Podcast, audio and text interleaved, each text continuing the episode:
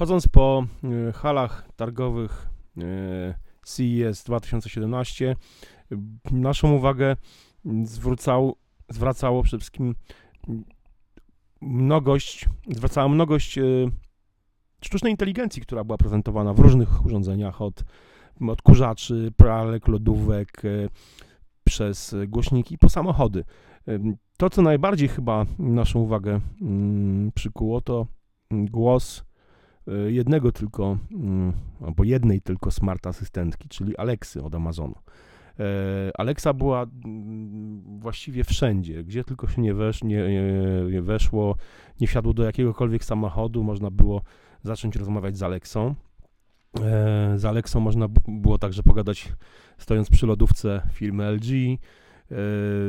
Dzięki Alexie można było wydawać masę poleceń różnym urządzeniom automatyki domowej, e, no a Siri tylko kilku urządzeniami. No i właśnie, gdzie jest Alexa, gdzie jest Amazon ze swoim asystentem i gdzie jest Apple e, ze swoim asystentem, czyli Siri.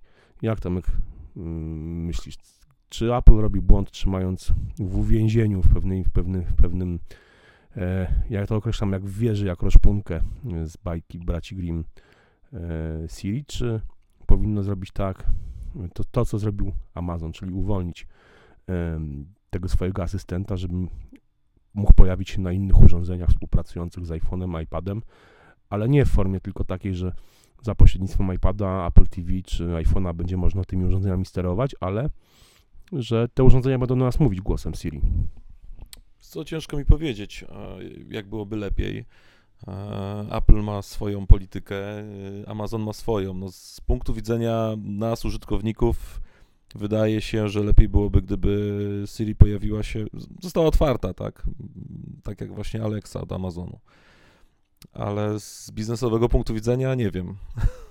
Patrząc na to, kto ile zarabia, no jedna firma i druga firma sobie radzi, więc e, pewnie obie, obie drogi w jakimś tam stopniu, w jakimś tam obie drogi prowadzą do sukcesu zapewne. Tak mi się wydaje. Ale zobacz, że y, jednak dzięki uwolnieniu Aleksy z Amazonem, czyli tak naprawdę ze sklepem, mówmy się, współpracuje masa różnego rodzaju urządzeń, a ze sklepem Apple'a nie współpracuje nic poza iPhone'em, iPadem, Apple TV i Maciem. No tak, tylko z, dodaje, mm, Alexa robi się popularna, ale z drugiej strony, jeżeli chcesz używać Siri, musisz kupić coś od Apple, tak? No niby tak, ale zobacz, że sprzedaż, sprzedaż maleje. Apple ma, y, jedyne co w przypadku Apple'a trochę jeszcze rośnie, to są serwisy, usługi. Y, wydaje mi się, że jakby tutaj rozsądnym krokiem byłoby uwolnienie Siri właśnie po to, żeby była dostępna w jak największej liczbie urządzeń i dzięki temu będzie można z niej korzystać. To właśnie nam się... Właśnie się Siri aktywowała. Tak, Siri usłyszała, że o niej mówimy i się nam tutaj aktywowała na jednym z iPhone'ów. E, ja osobiście bardziej mm, skłaniam się ku drodze, jaką wybrał Amazon, e, który przecież nie startował jako pierwszy ze swoim e, asystentem głosowym. I to, co widać na targach, no to że jednak Amazon zdobywa, te, zdobywa rynek wszelkiej maści urządzeń, ale głównie urządzeń z automatyki domowej. No, w, w tempie piorunującym, a Apple gdzieś tam po prostu sobie dziubie tego swojego HomeKita. Zresztą urządzeń z HomeKitem tak naprawdę było bardzo niewiele na, na, na targach. Większość z nich współpracowała właśnie z, z Amazonem. Tak, no i na pewno to, że, że w tylu urządzeniach się Alexa pojawia, no to działa w dwie strony, tak? Amazon zbiera masę wartościowych dla siebie danych, które powodują, że tą Alexę mogą ulepszać stale i, i tutaj jakby może mm, ta różnica w jakości tych dwóch asystentek będzie mm, się e, powiększała.